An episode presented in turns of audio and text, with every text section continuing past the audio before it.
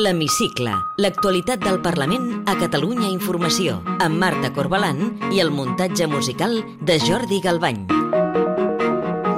La relació entre el govern i la CUP s'ha tensat aquesta setmana. La coincidència de Pere Aragonès en un acte a Barcelona amb el rei Felip VI no ha agradat gens als copaires, que alerten que aquests gestos entren en contradicció amb el pacte d'investidura. I per si fos poc, el cas de Marcel Vivet ha afegit més llenya al foc.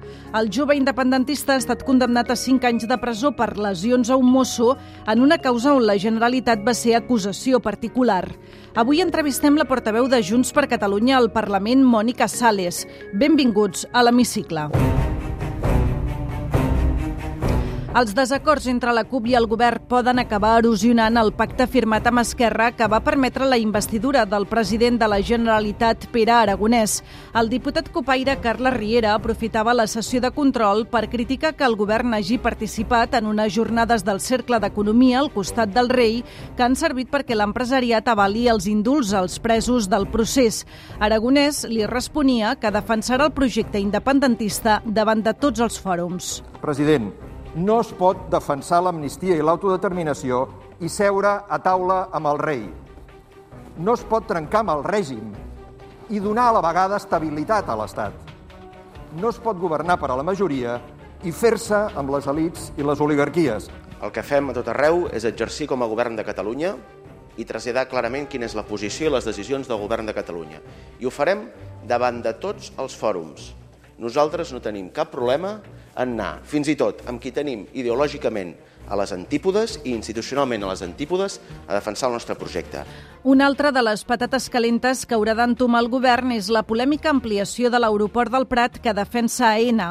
La cap de files dels comuns, Jessica Albiach, retreu a l'executiu d'Aragonès que avali aquest projecte. És incompatible ampliar la tercera pista de l'aeroport del Prat i fer la transformació verda de la qual va vostè parlar al debat d'investidura. Jo només li vull recordar una cosa, que és que el 51% d'AENA està controlat per un govern en el que vostès formen part. Per tant, si vostès fan la feina allà, nosaltres segurament la podrem fer més fàcil des d'aquí.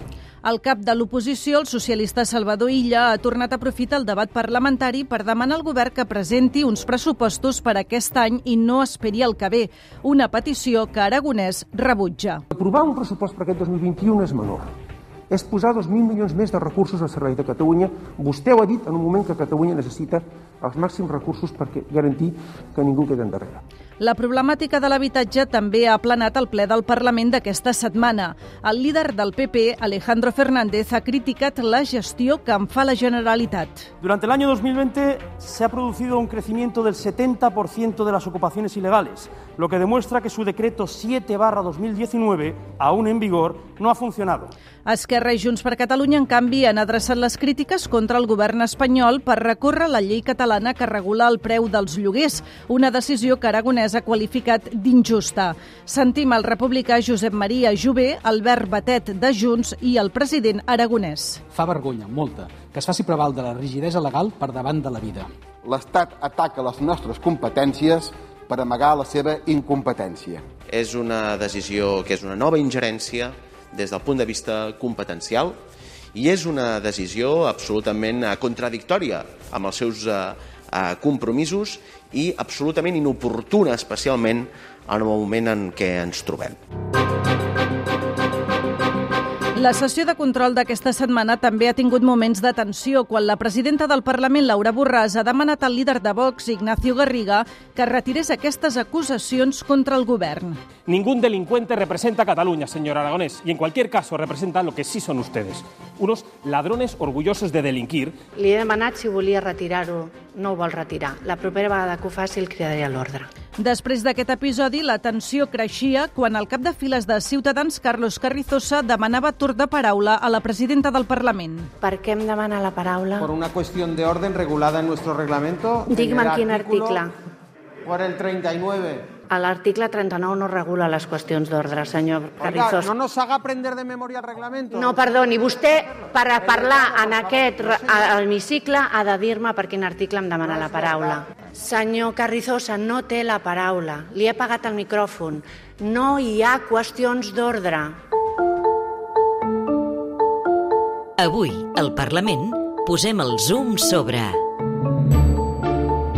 Avui ens fixarem en algunes de les mesures que promou el govern i el Parlament en la lluita contra el canvi climàtic i per fer la societat més sostenible des d'una perspectiva mediambiental.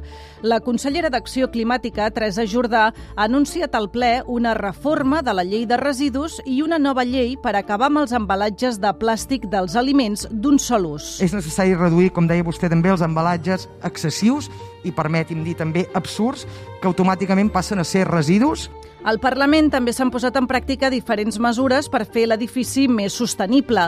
Des de fa poques setmanes, la cambra rep electricitat provinent de plaques solars fotovoltaiques, com ens ha explicat l'arquitecte i gestor ambiental del Parlament, Cristian Puig. S'han instal·lat un total de 148 plaques, 74 a cada ala de l'edifici, s'han col·locat de manera perpendicular al, al terra, de tal manera que des de l'exterior són gairebé invisibles que era un requeriment que des de Patrimoni se'ns havia fet. La presidenta del Parlament també ha anunciat que a partir d'ara tots els diputats, si volen beure aigua durant els plens, l'hauran de portar en una ampolla reutilitzable. Té la paraula Hola, sóc Mònica Sales, la portaveu de Junts al Parlament de Catalunya. Fa dues setmanes que s'ha estrenat com a portaveu de Junts per Catalunya al Parlament en substitució de l'actual consellera de Recerca i Universitat, Gemma Geis. Com afronta aquesta nova responsabilitat? Amb el compromís que sempre m'ha caracteritzat, amb voluntat de treballar pel grup parlamentari i també pel país. Vostè eh, avala els indults als presos independentistes? És la solució? Bé, la solució no ho és. Uh, aquesta solució és per a nou persones uh, que tenen tot el dret uh, de deixar de patir, ells i les seves famílies, però aquesta no és la solució que nosaltres proposem. Hem parlat sempre d'amnistia. Hi ha més de 3.300 represaliats i, per tant, a la pregunta si els indults són la solució al conflicte polític, la resposta és no. Els indults poden aplanar el diàleg amb el govern espanyol? Bé, el diàleg té uns termes molt concrets que són l'autodeterminació, la fi de la repressió i, per tant, aquests indults eh, són um, un fet que es produirà ara, però crec que no aplana cap camí. Nosaltres tenim les mateixes exigències a fer-li al govern de l'estat espanyol amb indults o sense, i per tant hem d'anar amb aquesta fermesa a la taula de diàleg a parlar d'aquests punts que hem decidit que siguen els que protagonitzen la taula de diàleg i no altres qüestions com s'estan abordant ara o s'estan demanant ara. Confia que aquesta taula de diàleg que em comentava entre els governs català i espanyol doni algun fruit? Bé, des de Junts per Catalunya hem estat sempre escèptics als fruits d'aquesta taula de diàleg, però pel bé del país i pel bé d'un pacte de legislatura per poder tirar endavant a Catalunya i els reptes i els problemes que té, nosaltres em, serem a aquesta taula de diàleg, però també emplacem tothom a treballar per veure què passarà si aquesta taula de diàleg fracassa, perquè el que hem vist fins ara és una única foto i, per tant, no, no podem tenir gaires expectatives. Si la taula de diàleg no dona resultats d'aquí dos anys, l'independentisme ha de tornar a entrar en una fase en què es prioritzi la confrontació amb l'Estat? És que l'independentisme no ha deixat de confrontar-se amb l'Estat. Cada dia, cada acció que duem a terme les forces polítiques que estem a favor de la independència, fem una confrontació amb l'Estat. La repressió és continuada, tenim mostres cada dia i, per tant, el que hem de fer és continuar treballant amb, amb, aquest, amb aquesta força que ens ha donat el 52% de vot independentista a les eleccions del 14 de febrer. Perquè la ciutadania ho entengui, en cas que no doni resultats eh, aquesta taula de diàleg, s'ha de fer un nou referèndum aquesta legislatura? S'ha d'abordar la via unilateral? Què, què, què proposa l'independentisme?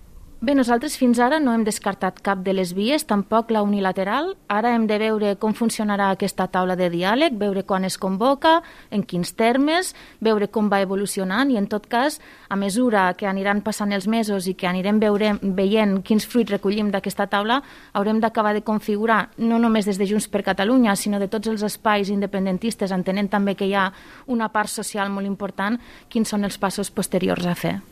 El referèndum de l'1 d'octubre eh, es va concebre per proclamar la independència o per forçar a negociar el govern espanyol? Clarament per proclamar la independència. El secretari general del seu partit, Jordi Sánchez, deia fa uns dies que es va concebre per forçar a negociar el govern espanyol. Per tant, entenc que no hi està 100% d'acord en aquesta afirmació. Bé, el secretari general del meu partit, Jordi Sánchez, va fer també dilluns una roda de premsa on va aclarir el seu posicionament i on va posar en valor l'1 d'octubre, com fem totes les persones que formem part de Junts per Catalunya, un 1 d'octubre que va ser de victòria i un 1 d'octubre que ens va demostrar que quan els engranatges treballen de manera plegada som capaços d'aconseguir grans victòries. El govern ha d'assistir als actes on hi hagi el rei? Bé, això és una decisió que té el president de la Generalitat, que és qui rep uh, aquestes invitacions i, per tant, és ell qui ha de considerar si el govern de la Generalitat hi va o no i, en tot cas, quin conseller hi ha d'anar. Jo el que sí que voldria dir és que l'agenda de Catalunya és molt important i que nosaltres hem d'estar sempre al costat del teixit econòmic, social, turístic, eh, científic del nostre país, independentment de la figura que representa una persona que a Catalunya és gens ben rebuda. No? Aquesta setmana eh, s'ha aixecat molta polèmica amb el cas de l'activista independentista Marcel Vivet, condemnat a 5 anys de presó per desordres públics, atemptat contra l'autoritat i lesions lleus a un agent dels Mossos d'Esquadra.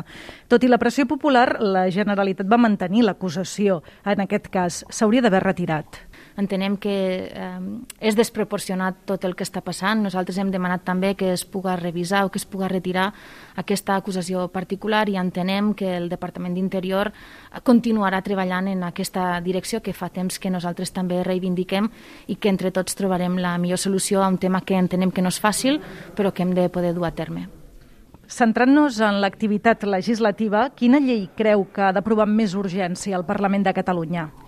Bé, ara qualsevol que faci referència a la situació que estem vivint eh, fa més d'un any que les nostres vides van patir un gran sotrac causat per la Covid i, per tant, totes aquelles lleis que puguen donar suport a aquesta situació que vivim eh, seran més que benvingudes i, per exemple, una que ja hem començat a parlar és la, la llei que ha d'anar al voltant de la ciència, no? per, per també posar en valor eh, tota, de la recerca de la ciència, per posar en valor eh, també tota aquesta feina que es fa que ens permet tirar endavant dia a dia des de tots els fronts. Si li sembla bé, ens endinsem ara en el terreny més personal. Li demano si pot contestar amb respostes ara al màxim de breu possibles. Què fa una doctora en filologia catalana fent política? Respondre al compromís de sempre pel meu país. Les seves jornades laborals comencen molt aviat perquè cada dia fa més de 300 quilòmetres per venir al Parlament. Vostè viu a Jesús, un petit nucli al costat de Tortosa. Amb la nova responsabilitat de portaveu, seguirà pujant i baixant cada dia de l'Ebre?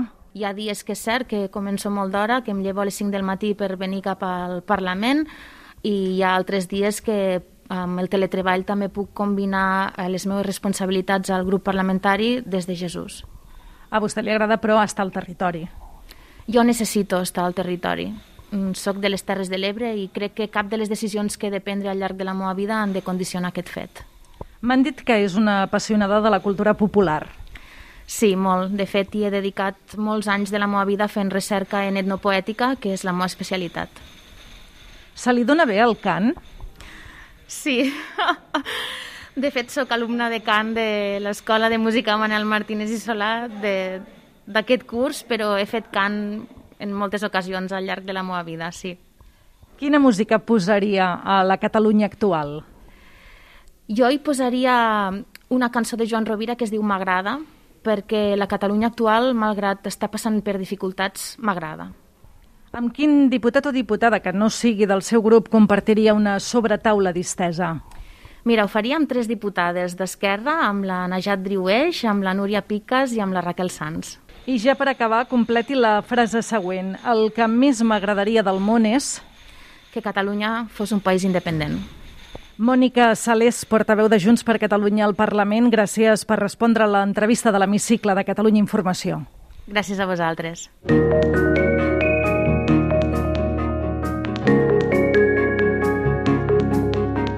tornar a escoltar l'Hemicicle al web catradio.cat barra hemicicle o al podcast del programa i seguir l'actualitat del Parlament al perfil de Twitter arroba L-hemicicle.